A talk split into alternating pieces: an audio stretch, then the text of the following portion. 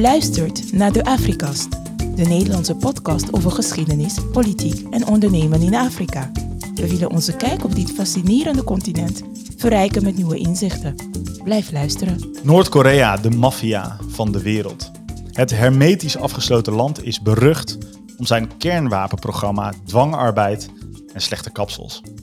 Maar hoe kan een land waarvan het budget kleiner is dan dat van Malta een kernwapenprogramma en een ruimtevaartprogramma hebben? Hoe komt Noord-Korea aan al die doekoe? En eh, welke rol spelen Afrikaanse landen en Afrikaanse leiders hierbij? Mijn naam is Jos Hummelen, ik ben ontzettend benieuwd. En tegenover mij zit Aiso van Leeuwen van SIP Utrecht. Goedemiddag Jos. Hey Aiso, zou jij wel naar Noord-Korea willen gaan? Nee, ik, ik zou erg graag niet naar Noord-Korea willen gaan. Ik uh, kan me herinneren dat een aantal jaar terug in het nieuws was dat een Amerikaanse student naar Noord-Korea was als toerist. En toen dacht, als ik hier toch ben, ik neem een klein souvenirtje mee, de Oh, vlag ja. uit het hotel. Vanuit het hotel, ja. Die toen is opgepakt naar een strafkamp is gestuurd. En tegen de tijd dat hij weer naar Amerika terug mocht, was hij zo slecht aan toe dat hij kort erop overleed. En ik weet nog dat ik toen dacht, stel, ik haal het ooit hoofd om als toerist naar Noord-Korea te gaan, dan kan me dat ook wel overkomen. Dat je denkt, vlaggetje meenemen, dat moet kunnen. Ja, het is wel cult allemaal natuurlijk, wat je daar ziet hangen en staan. Precies, het is wel vrij bijzonder. Dus als je er dan toch bent, dus als ik die gedachte ook zou hebben, kan ik maar beter niet naar Noord-Korea gaan. Maar misschien was dat destijds ook wel om een punt tegenover Amerika te maken. Dat weet ik niet. Mogelijk, ik ga het risico niet nemen. Ik moet een beetje lachen. Het is natuurlijk echt een gestoord verhaal. Dat je gewoon naar een dwangarbeidkamp wordt gestuurd vanwege het stelen van een stukje papier. Nou, wij twee weten helemaal niks van Noord-Korea, want we durven er niet heen. En daarvoor hebben we een knappe kop uitgenodigd, namelijk iemand uit Leiden van het African Study Center. En dat is Tigo van der Hoog. Goedemiddag. PhD-kandidaat. Ik heb al een beetje zitten pluizen in je werk. Enorm leuk dat je er eh, bent. En we gaan het vandaag hebben over de Noord-Koreaanse aanwezigheid in Afrika. Eh, we hebben meer dan 50 afleveringen al gemaakt, maar we hebben nooit over Noord-Korea gehad. Is dat raar? Nee, het is ook het hele doel van mijn onderzoek Oh. om dat beter te belichten. Als we het hebben over Afrikaanse internationale relaties, dan denken we natuurlijk vaak over China of over eh, Rusland. Daar heb je ook een aflevering over gemaakt. Maar Noord-Korea is zo'n staat waarvan we gewoon niet verwachten dat zij internationaal heel actief zijn. Je hebt eh, in Leiden, eh, hoe heet die vent? Professor Breuker? Dat is mijn promotor. Ah, oké. ja, want als je iets over Noord-Korea wil weten, dan moet je bij hem zijn, toch? Ja, hij is een beetje de go-to eh, persoon voor de Koreaanse informatie. Ja, cool. Want dat is natuurlijk eh, niet makkelijk om aan die informatie te komen. Eh, hoe ben jij te werk gegaan? Nou, ik probeer dat beeld ook een beetje daartegen in te gaan eigenlijk. Het idee dat er bijvoorbeeld helemaal geen informatie uit Noord-Korea komt, dat is niet helemaal correct als we bedenken dat er toch mensen vluchten uit Noord-Korea. Dus voor mijn onderzoek heb ik bijvoorbeeld gesproken met eh, Noord-Koreaanse vluchtelingen. Ballingen, Waar? moet ik In, in zeggen. Nederland? In eh, Zuid-Korea. Oké. Daar wonen ongeveer 30.000 Noord-Koreanen. En een aantal die hebben ook eh, ervaring in Afrika. Dus dat soort verhalen gebruik ik om mijn onderzoek beter te belichten. Oké, dus uit eerste hand eigenlijk. Precies. Ja. Maar zijn er ook, weet ik veel, geschreven documenten? Of heb je bijvoorbeeld de documentaire, ik moest van Ruben Elans, onze eindredacteur, de documentaire De Mol kijken. Eh, in het Engels, M-O-L-E, aanraden wat mij betreft. Dat soort bronnen, heb je dat ook gebruikt? Nou, de eerste bron waar ik het meest naar kijk is eh, archiefwerk eigenlijk. En daarvoor doe ik eh, onderzoek in vier continenten. Dus ik kijk in Europa en de Verenigde Staten, waar bijvoorbeeld ambassades van de Verenigde Staten of het Verenigd Koninkrijk in Afrika rapporteren over Mhm. wat er gebeurt in Mhm. Afrikaanse landen. En daar is verrassend veel informatie te vinden over Noord-Korea. Ehm, maar ik doe, kijk, doe ook onderzoek juist in Afrikaanse landen zelf en dus in, in Zuid-Korea. En zo probeer ik een, perspectief te vinden dat in de westerse diplomatieke bronnen nog niet heel erg naar, naar voren komt. Dus dat archiefwerk, wat ongeveer, laten we zeggen, 80% van mijn eh, data is, daar is al heel veel, heel veel details zijn daarin te vinden die we gewoon nog niet weten eigenlijk. En dan de rest van het verhaal vul ik op met interviews, zoals ik net noemde. Maar ook, en dit is iets wat ik van tevoren niet had kunnen voorspellen, eh, internet. Eh, Noord-Koreanen zijn actief op het internet. Ja. Noord-Koreaanse hackers zijn wel bekend, toch? Mijn, mijn wifi-netwerk heet zo, North Korean hackers. Ja, heel goed, ja. Maar je hebt ook eh, bijvoorbeeld Noord-Koreanen die in Afrika wonen om geld te verdienen, die hun diensten adverteren via Facebook. Dus met bijvoorbeeld bepaalde eh OSINT-technieken, Open Source Intelligence, is er vrij veel te vinden over wat er vandaag de dag nog aan de gang is. En dat combineer ik met het, ja, het historische verhaal. Wel ontzettend eh, vet om te doen, eh, lijkt me dat. Zo'n PhD is natuurlijk ook echt ploeteren, monnikenwerk, maar lijkt me ook wel heel vet om dat uit te pluizen. Ik heb net gezegd dat Noord-Korea de maffia van de wereld is. Dat is mijn, mijn eigen beeld. Maar ja, deze Afrika's maken we om onze beelden een beetje bij te slijpen. Is dat, vind je dat een correct beeld? Misschien vandaag de dag wel, maar als we kijken naar de recente geschiedenis, eigenlijk niet. Wat dat betreft praat ik vaak over twee Noord-Korea's. En het Noord-Korea van de vorige eeuw eh, is een totaal ander land dan het eh, nu is. Dus nu heb je Kim Jong-un Correct. ja. en bij zijn vader was het anders. En zijn grootvader vooral, Kim Il-sung. In de jaren 60, jaren 70 was Noord-Korea succesvoller dan Zuid-Korea. Het had meer diplomatieke connecties. Het had een betere economische groei. Eh, het internationale beeld van Noord-Korea was, was diametraal tegenovergesteld van wat het nu is. In de jaren 90, toen de Koude Oorlog eh, op zijn einde liep, toen stortte natuurlijk eh, de Sovjet-Unie in. Dat was een belangrijke benefactor voor Noord-Korea. Noord-Korea zelf raakte in een verschrikkelijke economische crisis. Wordt geschat dat 2 miljoen mensen stierven aan een, eh, aan een hongersnood. Eh, Kim Il-sung die, die ging zelf eh, dood. Dus het land veranderde op heel veel vlakken.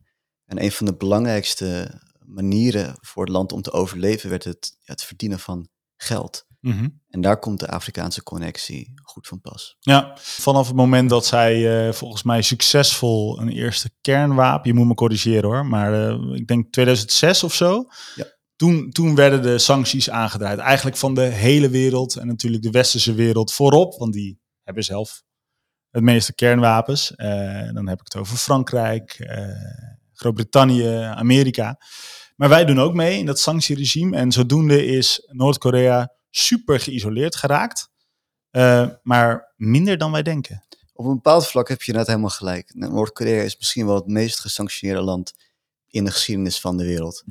Maar juist het onderzoek dat ik doe in Afrika bewijst dat er een hele schaduwwereld bestaat waarin niet alleen diplomatieke relaties worden onderhouden tussen Noord-Korea en regeringen in Afrika, maar er ook allerlei vormen van wapenhandel, het smokkelen van drugs of eh, vervalst geld eh, of goud bijvoorbeeld, eh, gebeurt via Noord-Koreaanse ambassades.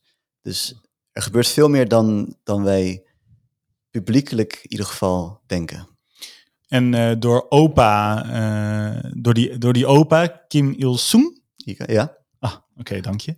Die, eh, ja, toen waren er eigenlijk best wel goede relaties. En ook best wel op een positieve en open manier. En heeft, heeft Noord-Korea ook geïnvesteerd in allerlei Afrikaanse landen op een, op een positieve manier. Kun je daar wat over vertellen? Ja, ik denk dat we in plaats van landen moeten hebben over politieke regimes. En in het geval van Afrika, en in het geval van Zuidelijk Afrika met name, dat we nog het beste kunnen kijken naar bevrijdingsbewegingen. Dus Noord-Korea werd gescheiden van Zuid-Korea kort na de Tweede Wereldoorlog, onderdeel van de Koude Oorlog politiek. En beide Korea's die beseften van, ja, we moeten de wereld induiken om zoveel mogelijk steun te verwerven als legitimatie van dat wij de, ja, de enige echte eh, Korea zijn. En Kim Il-sung die had vrij snel door dat er tegelijkertijd een hele snelle dekolonisatie in Afrika gaande was. En daar lagen eigenlijk de kansen. Nee, heeft hij goed gezien. Absoluut. Dus hij investeerde in de 5th, Fifth Brigade eh, in, eh, in het huidige Zimbabwe. Ja, dat komt, dat komt iets later eigenlijk. Oké. nog. Als we nog even blijven hangen in de jaren 60, Aha. want toen begon deze relatie eh, vorm te krijgen, zag Kim Il-sung dat er bepaalde landen al onafhankelijk waren, maar dat er ook veel landen eh, nog niet onafhankelijk waren, omdat er bijvoorbeeld vrij eh, forse tegenstand was van koloniale regimes. En de bevrijdingsbewegingen in die landen, die werden in, in ballingschap eh, geduwd, in, in exile. En die waren naarstig op zoek naar, naar steun, naar wapens, naar training, naar geld. En Noord-Korea was een van de landen die besloot daar al op een heel vroeg moment in te investeren. En op het moment dat veel van die bewegingen uiteindelijk slaagden in een opzet, en dus uh, ja, een land werd onafhankelijk, werden ze vaak ook het politieke regime. Het grootste deel van Zuidelijk Afrika wordt op dit moment geregeerd door voormalige bevrijdingsbewegingen.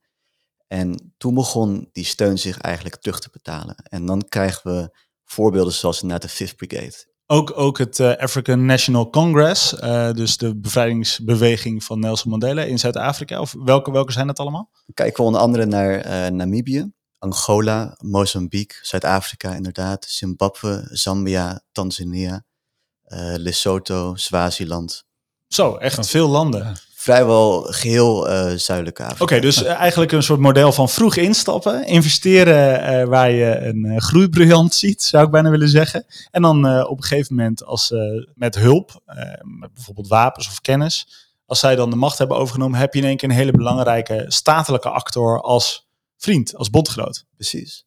Die tactiek werkte veel beter dan wat Zuid-Korea probeerde te doen. Die, die waren eigenlijk veel te laat in het Afrikaanse continent. En toen zij vanaf de jaren 70, 80 ook begonnen met hun ja, diplomatieke charme-offensief, vonden ze dat in veel Afrikaanse hoofdsteden eigenlijk al een sterke Noord-Koreaanse aanwezigheid was, die moeilijk te verwijderen was. Toen was de koek al op. De koek was al op, ja. En natuurlijk, die competitie tussen de twee Korea's, die ging ook verder. En het is ook een voorbeeld waar Afrikaanse landen de twee Korea's tegen elkaar uit konden spelen. En dat zag ik, zie ik veel in, in mijn archiefmateriaal vooral, dat die regeringen in Afrika van beide Korea's eigenlijk ja, van twee walletjes konden eten. Tegen op konden laten bieden ook, gewoon wie de meeste wapens kan leveren. Die, uh, Heel letterlijk, ja. Gewoon dat, dat een ene minister tegen de andere zegt van ja, ja, jullie Koreaanse collega die biedt gewoon meer geld voor ontwikkelingshulp, voor wapens. En dan moesten ze terugkomen met een uh, beter aanbod. Slim. Inmiddels, uh, dat kan je altijd heel goed zien als je er met een satelliet overheen gaat. Dat heb ik een paar keer gedaan. En dan zie je dat in Noord-Korea een heel klein lampje brandt. En dat is dan uh, Pyongyang. En in Zuid-Korea is één grote lichtbundel met vooral Seoul als echt economisch super actief gebied. Dus inmiddels is Zuid-Korea, ja, dat is gewoon ook economisch, maar misschien ook wel diplomatiek een veel sterker land, ook op het Afrikaanse continent. Maar toch zijn er nog relaties, nog altijd. Klopt dat?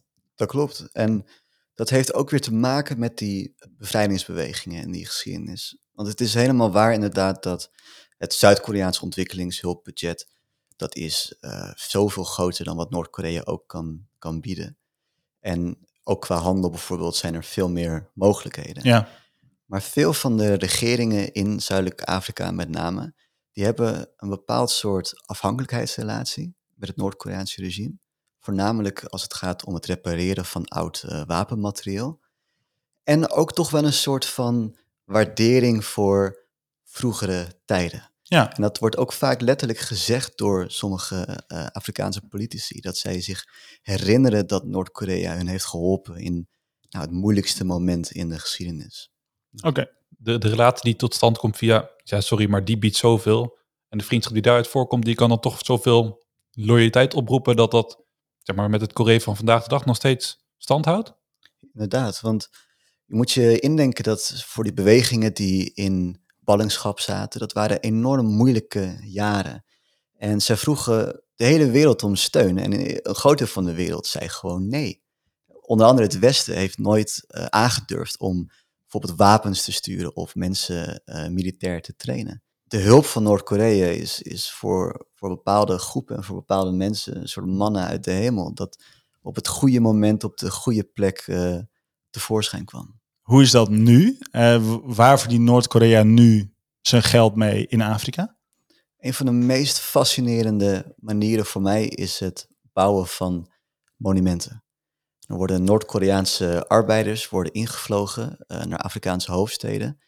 En die maken standbeelden, uh, paleizen, is musea. Dat, is dat, ik, misschien pis ik ontzettend naast het potje, maar is dat ook dat uh, enorme Afrikaanse renaissance ding in Dakar, in Senegal? Ja, ja je refereert naar een standbeeld in, in Dakar. Dat is ongeveer 50 meter hoog. Dat is net 1 meter hoger dan het vrijheidsbeeld in de Verenigde Staten. En dat is bewust. En het laat een man, een vrouw en een kind zien die een soort van uit de Afrikaanse grond eh, naar boven worden getorpedeerd en als het ware de, de vrijheid eh, tegemoet gaan. Het heet ook het Afrikaanse Renaissance Monument. Dus het ziet er ook heel Sovjet uit. Ja, de gezichten die moesten ook opnieuw worden gemaakt omdat ze te Koreaans uitzagen. dat is een vaker gehoorde klacht bij dit soort eh constructies. En volgens mij heb ik in Windhoek, de hoofdstad van Namibië, ook, eh, ook iets, eh, iets, iets Sovjet-achtigs gezien. Ja, Windhoek is wel een beetje het Pyongyang van Afrika, want er staan zoveel Noord-Koreaanse monumenten eh, in, een, in een vrij kleine regio. Dat is ongelooflijk. Kun je daar eens eentje van beschrijven? Nou, een van de eerste keer dat ik naar Namibië kwam, eh, een paar jaar geleden inmiddels, was ik daar voor een heel ander eh, onderwerp. En toen besloot ik het centrum een beetje te verkennen. Dat is leuk, dat is een leuk centrum. Het is, eh, is fantastisch, ja. Ik kan er goed drinken ook, kan ik je vertellen. lekker, eh, lekker Namibisch bier. Ja. En als je dan op een gegeven moment de Robert Mugabe Avenue oploopt, dan zie je het oude Duitse militaire fort. En eh, links van dat fort zie je de eh, oude Duitse kerk, een beetje de twee pilaren van de koloniale tijd. Religie De, de en, eh, Nederduitse gereformeerde kerk. Precies. En in het midden van die twee gebouwen zie je een Noord-Koreaans monument. Dat de vorm heeft van een soort gouden koffiepot. En dat is het Nationaal Geschiedenismuseum. Ja, oh, daar ben ik geweest. Wat vond je ervan? Ja, je hebt ook zo'n e- enorm grote mozaïek ergens bij de entree, staat me bij. Ja. Ik vond dat een heel cool museum. Het is heel apart en de, de locatie is heel symbolisch. Juist vanwege die verwijzingen naar het Duitse koloniale eh, tijdperk. Nou, het was er best wel positief over, volgens mij. Ja, dat, eh, daar kunnen we over eh, discussiëren inderdaad. Ehm, het hele frappante van dit monument is dat het niet alleen ehm, gebouwd is door Noord-Koreaanse arbeiders, maar ook vormgegeven. Oké. Dus we, hebben, we praten hier over een Afrikaanse geschiedenis die in Noord-Koreaanse termen wordt uitgelegd. Oké, nou, ik ben er fors, fors ingetrapt hoor. Ik dacht, oh, dit is... Maar dat komt ook omdat veel musea, daar hebben we een keer een uitzending over gemaakt. Veel musea zijn toch wel heel erg houtje touwtje. En dit was wel echt nice vormgegeven. En je werd echt meegenomen van A tot Z door de geschiedenis van het land. Aizo, je wilde wat zeggen? Ja, want je, je zegt dat de belangrijkste manier van geld verdienen die monument is. Maar ik zou zeggen, als je een standbeeld van 50 meter hoog neerzet of een museum, dat het vooral een grote kostenpost is om zoiets neer te zetten. Het leuk kan zijn om de relatie die je met het land hebt te benadrukken, maar Hoe verdien je daar geld mee? ja, hoe oogst Noord-Korea dat weer terug? Die projecten zijn enorm lucratief. De Verenigde Naties die hebben berekend dat het om honderden miljoenen dollars gaat. Eh, Musea, standbeelden neerpleuren? Ja, want het zijn enorme eh, grote projecten. Ehm, en die worden dan uitgevoerd met Noord-Koreaanse dwangarbeiders. Dus die moeten soms 80% van hun salaris inleveren. Die werken onder erbarmelijke omstandigheden. Dus je zou dat moderne slavernij kunnen noemen. Nou, dat, dat noem jij toch gewoon moderne slavernij? Ja, Oké. inderdaad, ja. En veel van die projecten die blijken ook vaak uiteindelijk twee of drie keer zo duur te zijn. Eh, en die worden dan... Nederlandse toestanden. Precies. Of Qatarese toestand? Nou, zo, zo zou je het ook enigszins kunnen zien, inderdaad. En dat zijn dus allemaal harde valuta dat de koffers van eh, het regime van Kim Jong-un eh, binnenstroomt. En wat we ook daarnaast nog zien is bijvoorbeeld die, die monumenten in Windhoek waar jij op doelde. Het bedrijf dat dat heeft eh, uitgevoerd, dat heet uh, Mansudae Overseas Projects. En Mansudae eh, werd onder andere door de Verenigde Naties in verband gebracht met Comit. Dat is een naam die je direct eh, kan vergeten. Maar Comit is de grootste wapenleverancier in Noord-Korea. Dus op het moment dat die monumenten werden gebouwd in Windhoek, werden er ook eh, wapenleveranties eh, geleverd aan het Namibische leger. En werd bijvoorbeeld eh, het hoofdkwartier van het ministerie van Defensie werd gebouwd door Noord-Korea.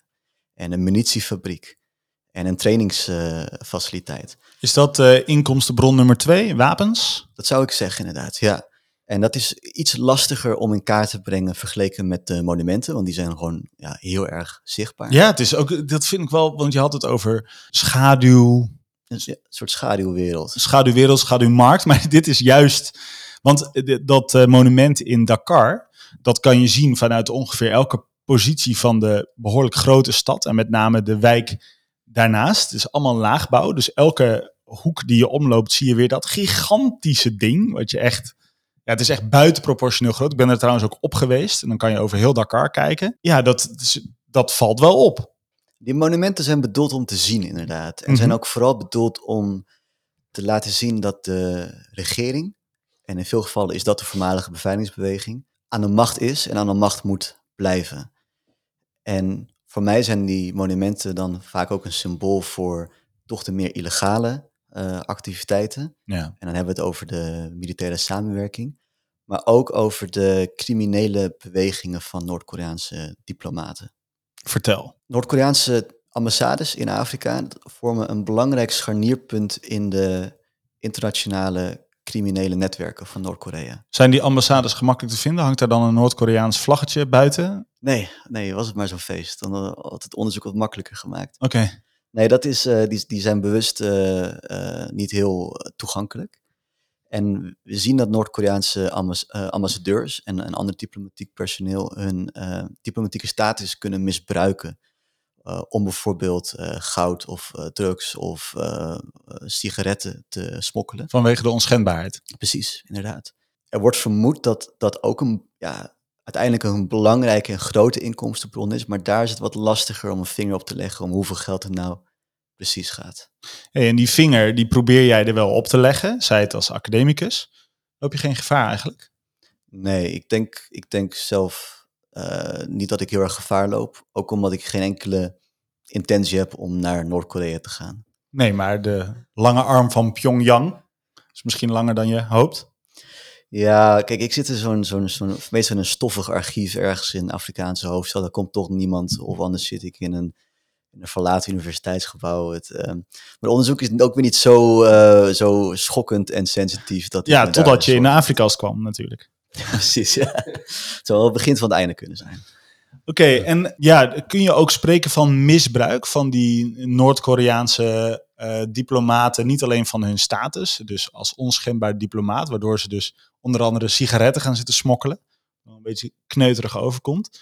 Eh, maar misbruiken ze ook eh, eh, Afrikaanse leiders of houden, houden ze die ook in de wurggreep soms?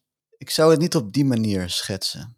Want ehm, Noord-Koreaanse leiders, of sorry, Noord-Koreaanse diplomaten bijvoorbeeld, worden zelden tot nooit een land uitgegooid. Ook al zijn dit soort incidenten soms bekend.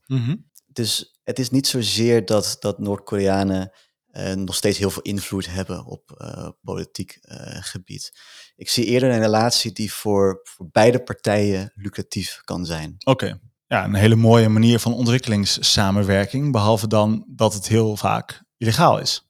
Ja, meestal wel. En het is ook spijtig dat, dat Noord-Korea verworden is eigenlijk tot een land dat alleen maar op deze manier nog een soort eh, in, impact kan maken. En wat dat betreft is er een groot verschil toch wel met de jaren 60 en 70, waarin bijvoorbeeld ook gewoon eh, ontwikkelingshulpprojecten door Noord-Korea werden uitgevoerd in Afrika. Waar speciale Noord-Koreaanse boerderijen werden opgericht in Ghana en Tanzania. Ja, dat is een tijdperk dat eh, inmiddels echt voorbij is. Oh ja, dat vind ik wel mooi dat je dat zegt. Dus je hebt eigenlijk liefde voor dat land en je vindt het eigenlijk ook heel tragisch. Dat... Ja, ik zit me een beetje te verlekkeren, sorry. Ik vind het echt mooie verhalen, maar misschien is het ook wel vooral heel erg tragisch. Nou, ik heb, ik heb geen liefde voor, voor het land, maar ik heb wel veel empathie voor de bevolking. Ja, En ik denk dat dat vaak over het hoofd wordt gezien als we over dit soort eh, diplomatieke banden praten. Want dan kijken we naar regeringen en naar hoofdsteden, en we kijken naar geldstromen en naar macht. En we vergeten soms de Noord-Koreaanse dwangarbeider die in een compound in Harare in Zimbabwe zit, geen kant op kan, zijn salaris moet inleveren en alleen maar moet, moet werken en lijden. En ik zou graag toch willen dat er meer aandacht is voor, voor die kant van het verhaal. ja, want die zitten heel dichtbij, hè? Ik bedoel, er worden ook gewoon Nederlandse jachten gemaakt in Polen met eh, Noord-Koreaanse handen. En die, eh, die mannen, het zijn altijd mannen, die kunnen geen kant op. Precies, ja. Voordat we verder gaan en de relaties gaan bestuderen, even een kort bericht van onze sponsor. De AfriCrew is fan van de stichting Albinisme in Afrika. Ga naar albinisme-afrika.nl om te ontdekken waarom. Ja, ik refereerde naar de documentaire De Mol. We zullen die ook even meenemen in de show notes. Dus Juri, als je dit hoort, neem mee in de show notes. Da- dat is dus een, eh, een gast in Denemarken uit mijn hoofd. En die infiltreert eigenlijk in het netwerk van Noord-Koreaanse eh, mannen met macht. En uiteindelijk eh, later in de documentaire, dus wil je hem gaan kijken, spoiler alert, eh, druk dan deze eh, podcast even op stil. Krijgt hij gewoon een soort menukaart voor zijn neus van welke wapens wil je kopen. Dus ja, als je eenmaal vertrouwen hebt bij die Noord-Koreaanse hoge geplaatste diplomaten, dan kun je dan gewoon, ja, alsof je bij de McDonald's zit, geen Big Mac bestellen, maar een een of andere raket. Ja, als je heel goed zoekt, dan kun je ook gewoon eh, een catalogus vinden van Noord-Koreaans wapenmateriaal. Die gebruik ik ook in mijn colleges in de Universiteit Leiden. En dan laat ik ze aan de studenten zien. En dat is een heel interessant punt, omdat het tegen het beeld ingaat van Noord-Korea als een land dat dus niet alleen heel eh, gesloten is, maar waar ook heel weinig informatie over te vinden is. Noord-Korea is misschien wel het meest kapitali- kapitalistische land ter wereld, in, in mijn opinie. Eh, het zijn echte handelaren en zij weten zichzelf ook heel goed eh, te marketen. Dus veel van de activiteiten die ik onderzoek, die zijn niet helemaal zo eh, geheim als je op het eerste gezicht zou denken. Ja, want het kostte De Mol, die eh, hoofdpersoon in de documentaire, ook niet zo heel veel moeite om die informatie boven te krijgen. En uiteindelijk kreeg hij gewoon een plan van het opzetten van een hele fabriek in Oeganda. Ja. En een of ander eiland in, eh, in eh, Lake Victoria. Om, eh, om wapentuig te produceren. En er, er is bekend dat de Russen wapentuig willen kopen. De Syriërs wapentuig hebben gekocht. Maar de Afrikaanse leiders dus ook. En dat is, is dat eigenlijk goed spul? Ja, dat denk ik wel. Niet dat ik een, een, echt een, direct een expert ben op het gebied van AK-47's. Oh, het zijn AK-47 Kalashnikovs. Onder, dat is een van de meest populaire wapens die volgens mij door Noord-Korea verspreid zijn. Is het Sovjetmeuk? Het is deels het is geïnspireerd daarop. Dus in de jaren 40, eh, toen Noord-Korea zeg maar, net bestond, hebben de Sovjet-Unie en China eh, als het ware wapens eh, gegeven aan Noord-Korea, die ze vervolgens konden reverse engineeren. Ze konden populaire modellen daarmee namaken, en vaak veel goedkoper. En vanaf de jaren 60 zijn ze daarmee de boer opgegaan, eh onder andere in Afrika. Ja. Daar komt ook de Fifth Brigade eh, bij kijken. Dat is een, een soort legeronderdeel in Zimbabwe. eh, dat onder andere wapens vrijwel gratis kreeg van, Ja. van Noord-Korea. Veel van die legers in Afrika die zitten nog steeds met dat materieel. En dat gaat soms kapot. Maar ze weten niet zo goed wie dat nog vandaag de dag kan repareren. Want het is toch een beetje ja, ouderwets eh, spul. Dus dat creëert nog een afhankelijkheid. Precies. Noord-Korea is een van de weinige landen ter wereld die nog steeds dat koude oorlogwapentuig kan repareren. En ook vaak tegen hele gunstige prijzen. En moeten we nou ook bang zijn dat op een gegeven moment Noord-Korea kernwapens gaat verspreiden op de Afrikaanse zwarte markt? Of zijn ze daar iets voorzichtig mee? Ik zou daar niet direct bang voor zijn. Die kernwapens hebben ze waarschijnlijk zelf nodig als een eh, manier om regime change eh, eh, tegen te houden. Maar het verspreiden van, eh, van, van allerlei ander kleiner wapenmateriaal, dat is, eh, ja, dat is gewoon aan de orde van de dag. Kun je nou ook zeggen dat sommige Afrikaanse leiders meer de militaristische regimes die wapens en dat wapentuig inzetten om hun eigen positie aan de top te houden? Dat is mijn vermoeden. In Zuidelijk Afrika zijn dus veel, worden veel landen geregeerd door voormalige bevrijdingsbewegingen. Die houden dat vaak al tientallen jaren vol. Maar er komt steeds meer interne en externe druk op die regimes. En mijn gevoel is dat zij steeds autocratischer worden eh, in een pogingen om aan de macht te blijven. En we zien dat daarom Noord-Korea vandaag de dag als het ware een oplossing biedt voor die regimes. Aan de ene kant is het een inspiratie, Noord-Korea, als een land en een regime dat aan de macht blijft, ondanks dat iedereen het einde al heel lang voorspeld heeft. Uh, anderzijds bieden ze hele concrete handvatten door middel van wapens of door middel van dit soort uh, monumenten bijvoorbeeld. Die die bevrijdingsbewegingen als het ware ja, centraal stellen voor als, als, ja, als het enige regime dat het land kan leiden. Hey, we hebben het gehad over uh, monumenten. Fascinerend vind ik dat nog steeds. En over wapens. Zijn er nog andere manieren waarop ze relaties onderhouden en geld maken vanuit het Afrikaanse continent?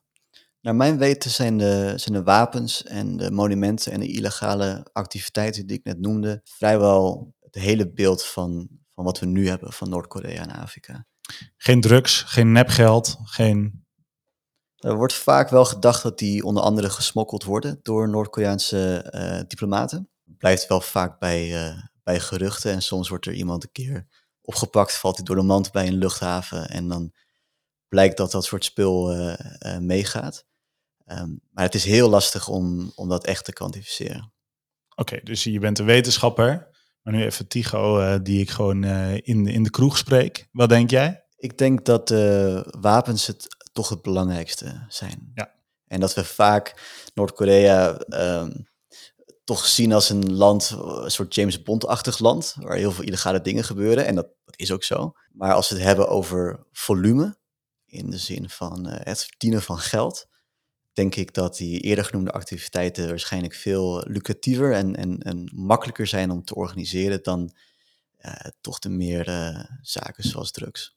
En dat geld, uh, wat dus die Afrikaanse leiders soms van belastinggeld betalen, dat gaat allemaal, is dat allemaal cash voor Kim? Dat is cash voor Kim, ja. Dus dat gaat direct naar het regime, wat dus weer die mensen onderdrukt en ja, in de tang houdt eigenlijk. Elke keer als er weer een, een Noord-Koreaanse raket de lucht in vliegt, dan denk ik even aan Afrika. Want dan heb ik weer het gevoel van ja, de inkomsten uit het Afrikaanse continent zijn gewoon een onmiskenbare uh, onderdeel geweest van dat huidige Noord-Koreaanse uh, regime. Veel meer dan Midden-Oosten of zo? Midden-Oosten ook wel. Zijn dus zeker, een goede nummer twee dan? Iran en Syrië zijn, zijn landen die, uh, die veelvuldig met Noord-Korea Noord verwerken. Um, Afrika wordt daarin toch wat sneller uh, vergeten. Afrika er... wordt altijd vergeten, dat is ongelooflijk. Ja, dat probeer ik dan toch een klein beetje recht te zetten met mijn uh, onderzoek. En als we het dan hebben over Noord-Korea en Afrika, dan gaat het toch ook wel vaak over wat er in de vorige eeuw is gebeurd. En dat is heel relevant en voor mij een grote verklaring voor wat er, wat er nu speelt. Maar er is duidelijk ook een, een contemporaine link te vinden. Trouwens, we hebben wel eens het woord Noord-Korea laten vallen in deze onvolprezen podcast. En dan in de, in de context van Eritrea. Eritrea is ook een heel geïsoleerd land, ook een bizar regime, wat ook echt het volk onderdrukt, zelfs tot in Nederland. Hè. Eritreërs in Nederland die hebben soms ook nog te vrezen van dat regime. Um, is daar een link? Niet dat ik direct weet, nee. Maar um, Noord-Korea gebruikt dus Afrika in feite om sancties van de internationale gemeenschap te omzeilen en toch hun kernproeven en dergelijke te kunnen blijven betalen. Kijkt de internationale gemeenschap de VN, dan heeft hij dat door. Kijkt dan naar die Afrikaanse landen, krijgen die waarschuwing van dat mag je niet doen, hou op. Of is daar niet zoveel zicht op? Ja, je bent natuurlijk bezig met het beter in beeld brengen hiervan. Komen er reacties vanuit de VN, vanuit de G8 op deze omweg van de Noord-Korea via Afrika tegenover de sancties? Absoluut. Er is een, een, panel binnen de VN dat zich bezighoudt met uh, het in kaart brengen van het Noord-Koreaanse sanctieregime. Dat heet de Panel of Experts. En die publiceren elk jaar een rapport met informatie over hoe zij vinden dat het gaat met de, met de sancties. En dat is meestal heel slecht. En daar zit altijd een, een onderdeel in, dat gaat over rapportages. Dus de member states van de VN, die moeten elk jaar ook een, soort uh, subrapport inleveren met de vraag hoe zij uh, omgaan met Noord-Korea. En er komt altijd in naar voren dat, dat de meeste Afrikaanse landen hun rapporten niet inleveren. Dus het is ook voor de VN vrijwel onmogelijk om te zien wat er precies gebeurt. En daar is veel kritiek op, vanuit de VN of vanuit individuele landen zoals de VS. Maar het blijkt heel lastig om Afrikaanse landen tot de orde te roepen, omdat er niet echt instrumenten zijn om, uh, om bijvoorbeeld straffen uit te delen. Ja, VN uh, wordt wel eens uh, gezien als een soort wetgevende macht in de wereld, soort de Tweede Kamer van de wereld, maar het is natuurlijk ja, pierentijger. Die, ja, een beetje een tandeloze tijger. Ook in deze context blijkt dat maar weer. Helaas, misschien uh, gaat er een tijd komen waarin we uh, als uh, wereld dit soort landen en met name dan de bevolking van die landen een betere dienst kunnen bewijzen. Voordat we verder gaan met het hedendaagse Noord-Korea in Afrika, gaan we eerst luisteren naar een column van geopolitiek risicoanalist Lennart Menger van Krijger en Partners. Lennart, the floor is yours. De aanwezigheid van Noord-Korea in Afrika. Het klinkt niet erg voor de hand liggend. Voor Noord-Korea ligt het meest dichtstbijzijnde Afrikaanse land, Somalië, op ruim 9000 kilometer afstand. En afgezien van de afstand kun je je überhaupt afvragen wat een geïsoleerd land als Noord-Korea te zoeken heeft in Afrika. Toch onderhoudt Noord-Korea al sinds de jaren 60 relaties met verschillende Afrikaanse landen op het gebied van diplomatie, economie en veiligheid. En op de dag van vandaag onderhoudt Noord-Korea relaties met ongeveer 16 Afrikaanse landen, waaronder Namibië, Angola en Oeganda. Voor deze samenwerking zijn een aantal redenen.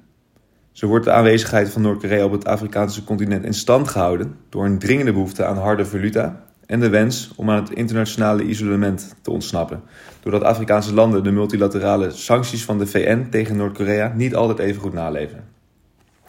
Aan de andere kant is Noord-Korea voor sommige Afrikaanse landen een interessante partner, omdat het goedkope wapens en defensieinfrastructuur kan leveren, maar ook omdat Noord-Korea de landen kan voorzien van goedkope gastarbeiders. Deze redenen komen samen in het voorbeeld dat in sommige Afrikaanse landen Noord-Afrikaanse gastarbeiders worden overgevlogen die kosteloos oude Sovjet-wapensystemen komen repareren. Wapens die vervolgens door de overheid kunnen worden gebruikt eh, en worden ingezet om de eigen bevolking te controleren en te onderdrukken. Door het feit dat de relaties en zakelijke transacties tussen Noord-Korea en Afrika vaak erg ontransparant zijn en beide partijen niet coöperatief zijn tegenover de VN om hierover inzicht te geven, kan het fenomeen op weinig aandacht rekenen van de internationale gemeenschap. Daar, daarbij zijn het vaak niet per se statelijke actoren die zaken doen met Noord-Korea, maar ook verschillende milities en rebellengroepen. Nu kan en moet de VN zich natuurlijk proactiever opstellen om deze samenwerking aan te pakken. Maar misstanden tussen Noord-Korea en Afrikaanse landen moeten natuurlijk eerst worden blootgelegd. Feit blijft dat de desbetreffende Afrikaanse landen door militaire samenwerking met Noord-Korea wel internationale afspraken over sancties schenden. Misschien is het een idee om als VN, Verenigde Naties, een samenwerking te starten uh, met Afrikaanse landen in de regio om hier aandacht voor te vragen. Verder kan de VN Afrikaanse landen natuurlijk helpen met het aanscherpen van toezicht en het stimuleren om die internationale sancties tegen Noord-Korea wel na te leven. Bedankt Lennart Menger van Krijger en Partners. In de introductie zei ik dat het bruto binnenlands product van Noord-Korea super klein is. Heeft Noord-Korea zijn ideologische veren in Afrika ingeruild voor de broodnodige handel en economisch gewin? Of zijn die ideologische veren van Kim bedoeld als een soort intern masker en ja, gaat het hem gewoon over brute macht en geld? Je noemde het het meest kapitalistische land dat je kent. Ja, dat was vroeger wel anders. Noord-Korea was ideologischer vroeger, vooral tijdens de Koude Oorlog. Denk ook dat dat een rol heeft gespeeld in het smeden van die intieme relaties met Afrikaanse regimes. Noord-Korea was vroeger ook gekoloniseerd, uh, had daar een, een redelijk succesvolle strijd tegen het Amerikaanse leger uitgevoerd. En had een soort ideologie, dat werd, uh, wordt Juche genoemd. Uh, wordt vaak vertaald als self-reliance, een soort van onafhankelijkheid. En daarmee konden ze echt de boer op in Afrika. Door te zeggen van ja, wij zijn zoals jullie. We hebben dezelfde historische ervaring. En we hebben een model voor ontwikkeling dat losstaat van de buitenwereld. We hebben ook gevochten tegen de Westerling. We hebben ons ontrokken aan die invloedssfeer. En en we're the same dat is een boodschap die heel erg resoneerde bij Afrikaanse leiders. Kim Il-sung kon zichzelf ook neerzetten als een guerrilla-strijder, die ook in ballingschap opereerde, die ook in de gevangenis heeft gezeten. Dat is een ervaring die heel veel uh, Afrikaanse presidenten van het, van het eerste uur uh, ook hebben meegemaakt, zoals bijvoorbeeld uh, Robert Mugabe. En de persoonlijke banden die toen ontstonden tussen Kim Il-sung en die Afrikaanse leiders, Plus dat, ja, dat ideologische sausje dat er overheen werd gegoten, is in mijn inzien de, de basis geweest voor de relaties zoals we die nu ook kunnen observeren. Ja, dus toch blijven veel projecten van Noord-Korea, zelfs als het om standbeelden gaat, een beetje off the radar. Hoe kan dat? Is dat gewoon omdat we Afrika niet interessant genoeg vinden? Want we vinden het wel heel belangrijk om Noord-Korea te sanctioneren. En we vinden wel heel belangrijk om het over kernwapens te hebben. Kijk maar naar de Iran-deal, die haalt hier heel vaak het nieuws. Uh, ook uh, toen die gesloten werd onder Obama, toen die door werd uh, gescheurd door Trump en nu, nu er weer onderhandelingen zijn in Wenen, we zitten er bovenop. Noord-Korea heeft ook kernwapens, proberen we ook een beetje als, als wereld, zeg maar, voor wat het waard is, in te, in te dammen. Maar ja, we laten ze op Afrika gewoon lekker hun gang gaan. Ik denk dat het deels met perceptie te maken heeft en deels met kennis. Dus wat het eerste betreft trappen we denk ik te snel in de val dat Noord-Korea het ultieme kluizenaarskoninkrijk is. dan komt het vaak niet eens bij ons op direct om dit soort eh, dingen te onderzoeken. Eh, als we daar dan toch geïnteresseerd in zijn, zoals, zoals ik bijvoorbeeld, dan blijkt het ook lastig om de juiste informatie te vinden. In mijn geval moet ik eh, reizen naar vier continenten, ik moet Koreaans leren, ik moet Noord-Koreanen te spreken zien te krijgen. het, is, het is een vrij complex verhaal om in kaart te brengen. Dus ik denk dat ja, misschien onze vooringenomenheid en die meer praktische bezwaren samen ervoor zorgen dat dit nog een vrij onbekend verhaal is. Terwijl sommige verhalen zijn, uh, zijn heel ja, mooi en mediageniek eigenlijk. Ook uh, het verhaal over die Ethiopian Airlines. Weet je waar ik op doel? Nee. Nou, dat Ethiopian Airlines wapens uit Noord-Korea vervoerde in passagiersvliegtuigen. Oh ja. Kun je daar wat meer over vertellen? Ja, dat is ook een interessant uh, verhaal. Want de vraag is ook, we weten misschien dat Noord-Korea uh, wapens weet te smokkelen naar Afrika. Maar de vraag is ook van hoe uh, gebeurt dit precies? En dan blijkt bijvoorbeeld dat er schepen uh, rondvaren met Afrikaanse vlaggen die eigenlijk onder Noord-Koreaans bewind staan. Maar dat voorbeeld wat jij noemde over Ethiopian Airlines, werd volgens mij een paar ton aan zwaar wapenmateriaal werd vervoerd met een passagiersvliegtuig. Uh, en als je dan kijkt naar de, naar de gegevens, dan blijkt dat er op papier heel ander spul op, op staat. En een ander voorbeeld van een paar jaar geleden is dat er een schip in, in Durban in, Zuid-Afrika werd, werd onderschept. En daar zou dan gewoon industrieel uh, spul in zitten. Dat bleken reserveonderdelen voor tanks te zijn. Maar ik, ik ben echt een nieuwsjunk. Waarom ken ik dit verhaal niet? Dat Durban-verhaal. Nou, misschien dat, dat dat deze podcast daar toch uh, wel verandering in kan, uh, kan brengen? Het is een goede vraag. Ik, ik, ik zal er niet direct een antwoord op hebben. Ook in de internationale nieuwsmedia zie je dit niet heel snel terug. Ik vind het wel spicy. Ja, nou, het is spicy, maar het, is, het, het, het werpt ook licht op een, op een belangrijk thema, denk ik. Hey, en zo'n andere is dat er het vermoeden is dat er bij VN-missies in de Democratische Republiek Congo uh, Noord-Koreaans wapentuig ook is gebruikt. Hoe komt zoiets tot stand? Ja, dat is weer een voorbeeld van dat er vrij veel Noord-Koreaanse wapens rondslingeren in Afrika. Uh, Congo is daar een, een, voorbeeld van. En je hebt gelijk dat een paar jaar geleden aan het licht kwam dat sommige van die, volgens mij waren het pistolen, zijn gebruikt bij een VN-missie. En dat is natuurlijk de, de grootste ironie die er mogelijk is, juist omdat dit soort pistolen zijn verboden door de VN. Dus ja, we zien dat het heel lastig blijkt om dit in kaart uh, te brengen. Uh, en ook in Afrikaanse landen zelf is er misschien niet altijd heel veel aandacht voor, uh, voor Noord-Korea. Of althans voor de sancties tegen Noord-Korea. Dus dat er dit soort regels zijn, ja, er moet iemand zijn om ze ook daadwerkelijk toe te passen. En daar schort het vaak nog aan.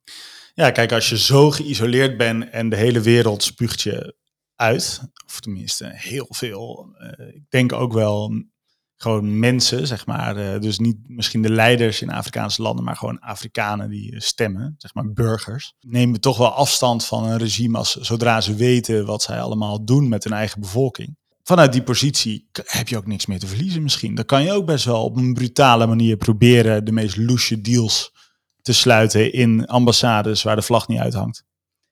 Dat heeft wel heel erg te maken met het beeld inderdaad van Noord-Korea als een soort schurkenstaat.